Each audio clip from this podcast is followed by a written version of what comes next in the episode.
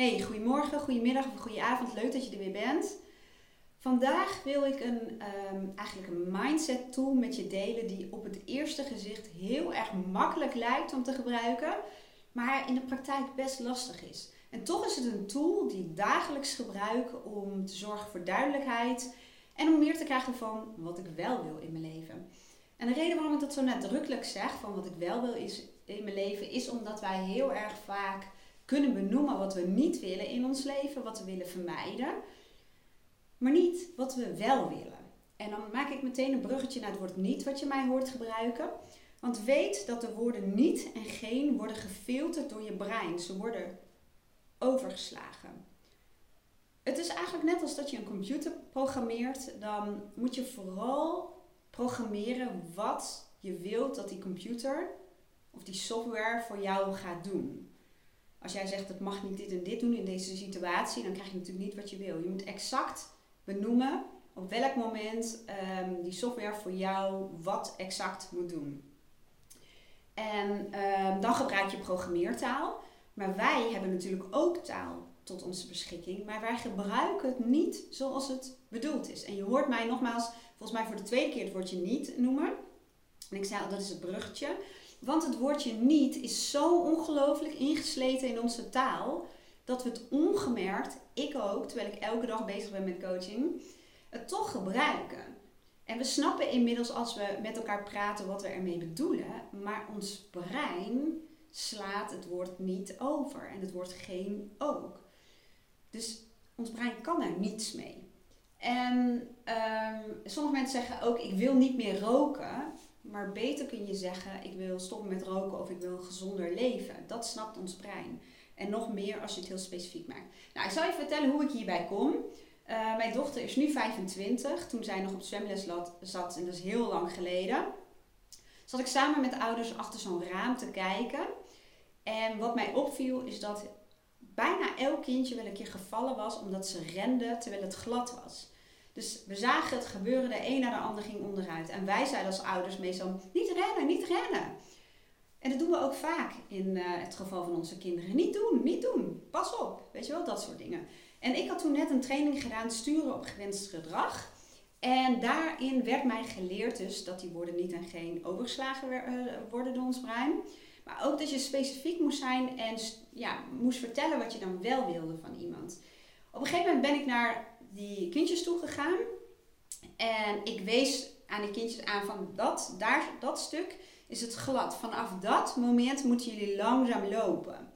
En ik had dat met de ouders gedeeld en we zaten vol verwachting uh, achter het glas te wachten om te kijken wat het effect zou zijn. Ik natuurlijk helemaal, want het was mijn idee. En um, nou, ze liepen daar en op een gegeven moment kwamen ze bij het stuk aan waar het glad was en verdomd. Ze gingen allemaal langzaam lopen. Toen dacht ik, oké, zo simpel werkt het dus. En dat is inderdaad simpel, vooral als je um, je ervan bewust bent en als je er even over na kunt denken wat je dan wel wilt. En toch loont het echt enorm de moeite om in je eigen taal heel erg opmerkzaam te zijn als we de woorden niet en geen gebruiken. En als je dan toch nog een stapje verder wil gaan om ook de woorden meer en minder specifieker te maken. Dus in mijn coaching met de mensen bij mij aan tafel, of, uh, of nou ja, we gaan ook vaak naar buiten, dus het is niet altijd aan tafel. Maar zijn ik me heel erg bezig met, maar wat wil je dan wel? En hoe ziet het eruit als je hebt wat je wilt? Of hoe ziet het eruit als je probleem is opgelost? En als je dat niet wil, wat wil je dan wel? En je merkt ook gewoon dat die vragen, um, ja, die, die vragen gewoon meer tijd en ruimte. Omdat iemand vaak dan zegt van, shit, wat een moeilijke vraag. Ja, wat wil ik dan eigenlijk wel? Dat geldt in ons eigen hoofd, dus de taal die we gebruiken in ons eigen hoofd, onze eigen gedachten. Uh, dat wil ik niet, dat wil ik niet. Of um, ik wil niet dat hij zo doet. Of ik wil niet bang zijn. Of ik wil me niet zoveel zorgen maken. En dan is het de kunst om in je eigen hoofd, met je eigen gedachten, aan de slag te gaan. En dan continu te denken: als ik me geen zorgen meer zou maken. Op basis van wat je zegt van ik wil me niet zo zorgen maken elke keer. Wat is er dan wel? Als je geen zorgen maakt, wat, hoe, hoe, ben je dan? Hoe voel je je dan? En dan moet je aan de slag. En ik ga dat nu proberen spontaan even te doen. Maar ik ben ook iemand die ehm, van die periodes heeft waarin ik ehm, in een soort oud mechanisme terechtkom. Ik zeg oud, maar feitelijk is die dus nog gewoon actueel. Ik word regelmatig getriggerd op een van mijn grootste thema's en dat is angst voor verlies. Angst voor verlies van vooral de mensen om mij heen, maar ook angst voor de dood. En um, het wordt vaak getriggerd, die angst, door gebeurtenissen, zoals het overlijden van iemand of um, ja, grote veranderingen, zoals nu uh, hebben we best wel wat grote veranderingen in ons leven doorgemaakt, waaronder een verhuizing. En dat zijn allemaal van die elementen die um, een beetje wrikken aan je veiligheidsgevoel. En vaak als je wat onveiliger voelt, ja, als je een nieuwe modus moet vinden, om het zo te zeggen, eigenlijk in dit huis dat je een nieuw plekje moet vinden en je nieuwe ritme en regelmaat moet vinden, dan um, gebeurt er vaak iets, dan wordt er vaak iets getriggerd. En ik probeer even kort uit te leggen wat het betekent. Heel vaak is het zo dat je uh, bij angsten, heel veel mensen hebben dan, dat noemen ze veiligheidsgedrag. Dus gaan ze bepaalde rituelen uitvoeren of controle zoeken om zich beter te voelen. En controle kan in allerlei dingen zitten, zoals sommige mensen willen heel erg uh, opruimen. Ik, dus ik ga dan opruimen en schoonmaken en dingen ordenen. En dat geeft mij een gevoel van ja, controle. En dat noemen ze veiligheidsgedrag. Vroeger, en daar zal ik eh, binnenkort nog wel eens een video over delen, um, had ik echt een obsessief-compulsieve stoornis. Uh, ik weet niet of je daar ooit van gehoord hebt, maar dat is echt een hele extreme vorm van controle willen hebben. Um, er was vroeger zo'n liedje van Kinderen voor Kinderen, waarin je, geloof ik, een kindje, die moest elke keer een stoeptegel overslaan bij het hinkelen of zo. Want ik weet niet hoe dat liedje ging en ik zal het niet zingen, want dan verlaat je deze video meteen. Maar iets, als ik dat niet doe, dan ben ik morgen dood of zoiets. Het is echt een um, ja, vorm, extreme vorm van veiligheidsgedrag. En in periodes dat er inderdaad veel veranderingen zijn en uh, iemand overleden is, wat in mijn geval ook uh, gebeurd is, of iemand ziek is geweest, wat ook gebeurd is, en nog wel wat meer dingen, dan merk ik inderdaad bij mij dat ik wat zorgelijker word. Dan ga ik me meer, meer zorgen maken over de mensen in mijn omgeving die allemaal dood kunnen gaan.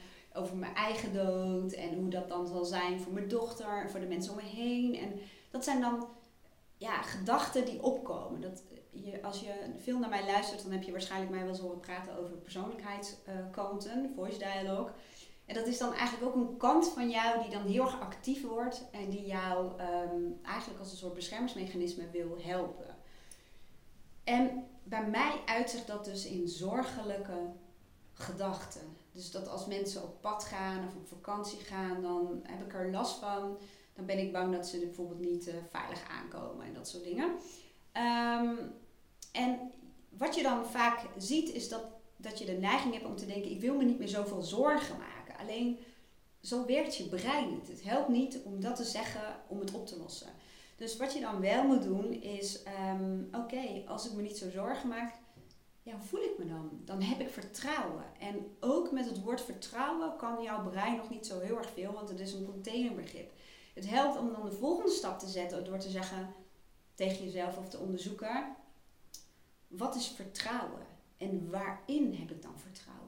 Nou, in mijn geval is dat dat ik voor A vertrouwen heb in mezelf. Dat ik altijd een manier weet te vinden om ergens overheen te komen, ergens doorheen te komen, om ergens mee om te gaan. Uh, dat ik op mezelf vertrouw, dat ik de juiste hulp in weet te schakelen. Dat ik vertrouw op de mensen om mij heen. Dat de mensen om mij heen ook gewoon bezig zijn met hun eigen veiligheid en goed op zichzelf passen.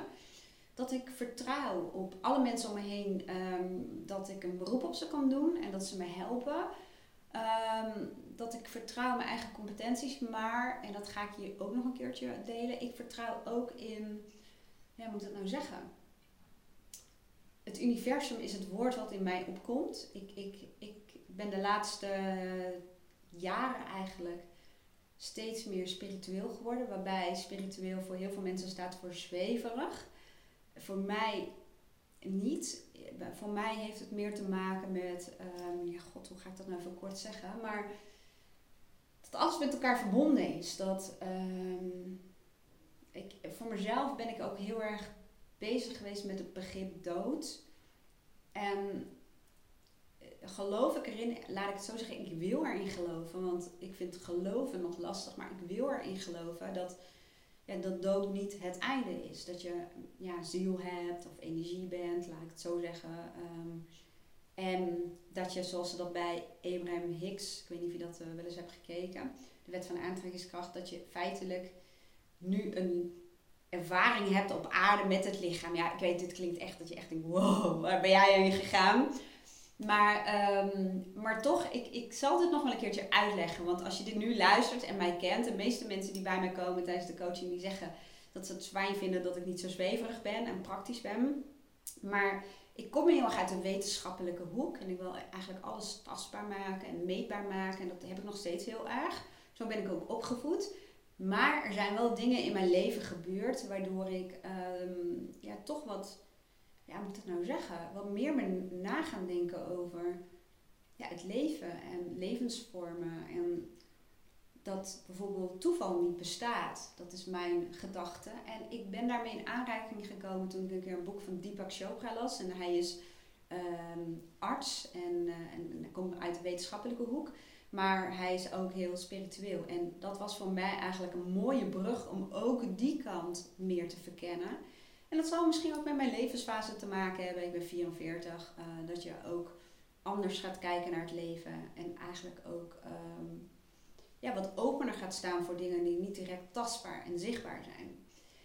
Hoe kwam ik hierop? Door te zeggen dat ik het woordje vertrouwen Ehm, meer betekenis geven. Wat is vertrouwen in mij? Toen zei ik al vertrouwen in mezelf en vertrouwen in de mensen om me heen. Maar ook vertrouwen in het universum. Dat, um, nou, dat er gewoon hulp is, zeg maar. Of dat heel veel dingen geconnect zijn met elkaar. En nogmaals, ik kom er nog wel een keertje op terug in de uitgebreide video om, om dit uit te leggen. Anders denk je echt van, wow, waar ben jij heen gegaan?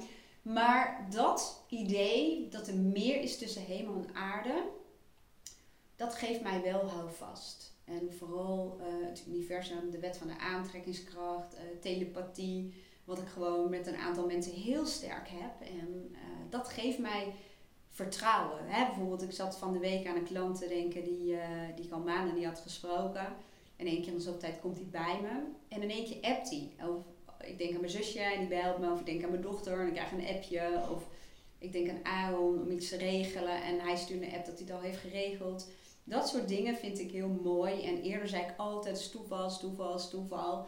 En nu voel ik dat er toch wel een connectie is en uh, dat er dingen zijn die ook niet tastbaar zijn. Dus dat gevoel probeer ik nu te plekken op te roepen. Daarom wijd ik even uit, omdat ik je mee wil nemen hoe het werkt als je een woord, een containerbegrip voor jou betekenis gaat geven. En dan merk je ook of dat nou spiritueel is of niet, maar vooral voor je brein werkt het om dingen specifiek te maken. En in de wel-modus noem ik het vaak. Dus wat wil je dan wel? Nou, pakken we nog even door op dat wat ik heb. En dat is dan ehm, dat ik me uh, sneller zorger maak en dat ik dat niet wil. En wat is dan het niet willen? Wat wil je dan? Nou, ik ga dan verder. Ik stel mezelf dan vragen zoals: als ik meer vertrouwen zou hebben, wat zou er dan anders zijn? Stel, ik geef die piekergedachte alle ruimte. Wat, wat is het effect daar dan van? En in mijn geval is het effect daarvan dat ik deze video niet op kan nemen. Dat ik vooral uh, tussen de sessies door met mijn aandacht ben bij de zorggedachte. En als, dus eigenlijk stagneert het alles. Het stagneert mijn creatiekracht, het stagneert uh, in mijn werk, het stagneert in mijn leven. Ik ben er met mijn aandacht niet bij. En um, dus ik beschrijf nu eigenlijk wat het uh, doet als ik me heel veel zorgen maak. En dan vervolgens ga ik weer verder naar de welmodus. Dus als ik vertrouwen zou voelen, wat zou er dan anders zijn in mijn leven? Hoe zou mij dat helpen? Nou, ik zou dan mijn aandacht richten op um, nou, het maken van een video en het zo meteen publiceren en het bewerken. Ik zou um, lekker even bezig zijn in huis. Ik zou een goede planning maken. Even mijn maandplanning bijwerken. Dus ik zou eigenlijk weer in de flow terechtkomen van creëren, om het zo te zeggen. Ja, dat is eigenlijk zoals ik het doe. En ik zal het je kort nog even samenvatten hoe je deze tool kan gebruiken in je dagelijks leven. Vermijd de woorden niet en geen. En denk bij jezelf, maar wat wil ik dan wel? Ook in relatie tot anderen. Want ik vertelde je net hoe je dat kunt doen met je eigen gedachten. Maar het gaat ook om de relatie met anderen. Stel dat iemand iets doet wat jij niet wilt. In ons hoofd en tegen de ander zeggen we ook vaak: Ik vind het niet leuk dat je dat doet. Of wil je dat niet meer doen? Of uh, je kwetst me daarmee. En dat is op zich goed om je uit te spreken. Maar het helpt ook om de ander precies mee te geven wat je wil dat hij doet. Of wat voor jou beter zou werken. En dat is voor heel veel mensen ook een stukje trots waar ze dan doorheen moeten. Want heel veel mensen zeggen ook, en ik zou bijna zeggen meer vrouwen dan mannen, bij mij in de praktijk, van ja, maar dat, moet hij, dat hoef ik niet te zeggen. Of dat moet ik niet hoeven zeggen. Hij moet dat zelf weten. Of dat moet hij zelf kunnen bedenken. En het klopt in zekere zin ook dat je die, uh, dat logisch is dat je die behoefte hebt. Maar één zin gebruik ik heel vaak in mijn eigen hoofd. En dat is wil ik gelijk of wil ik geluk?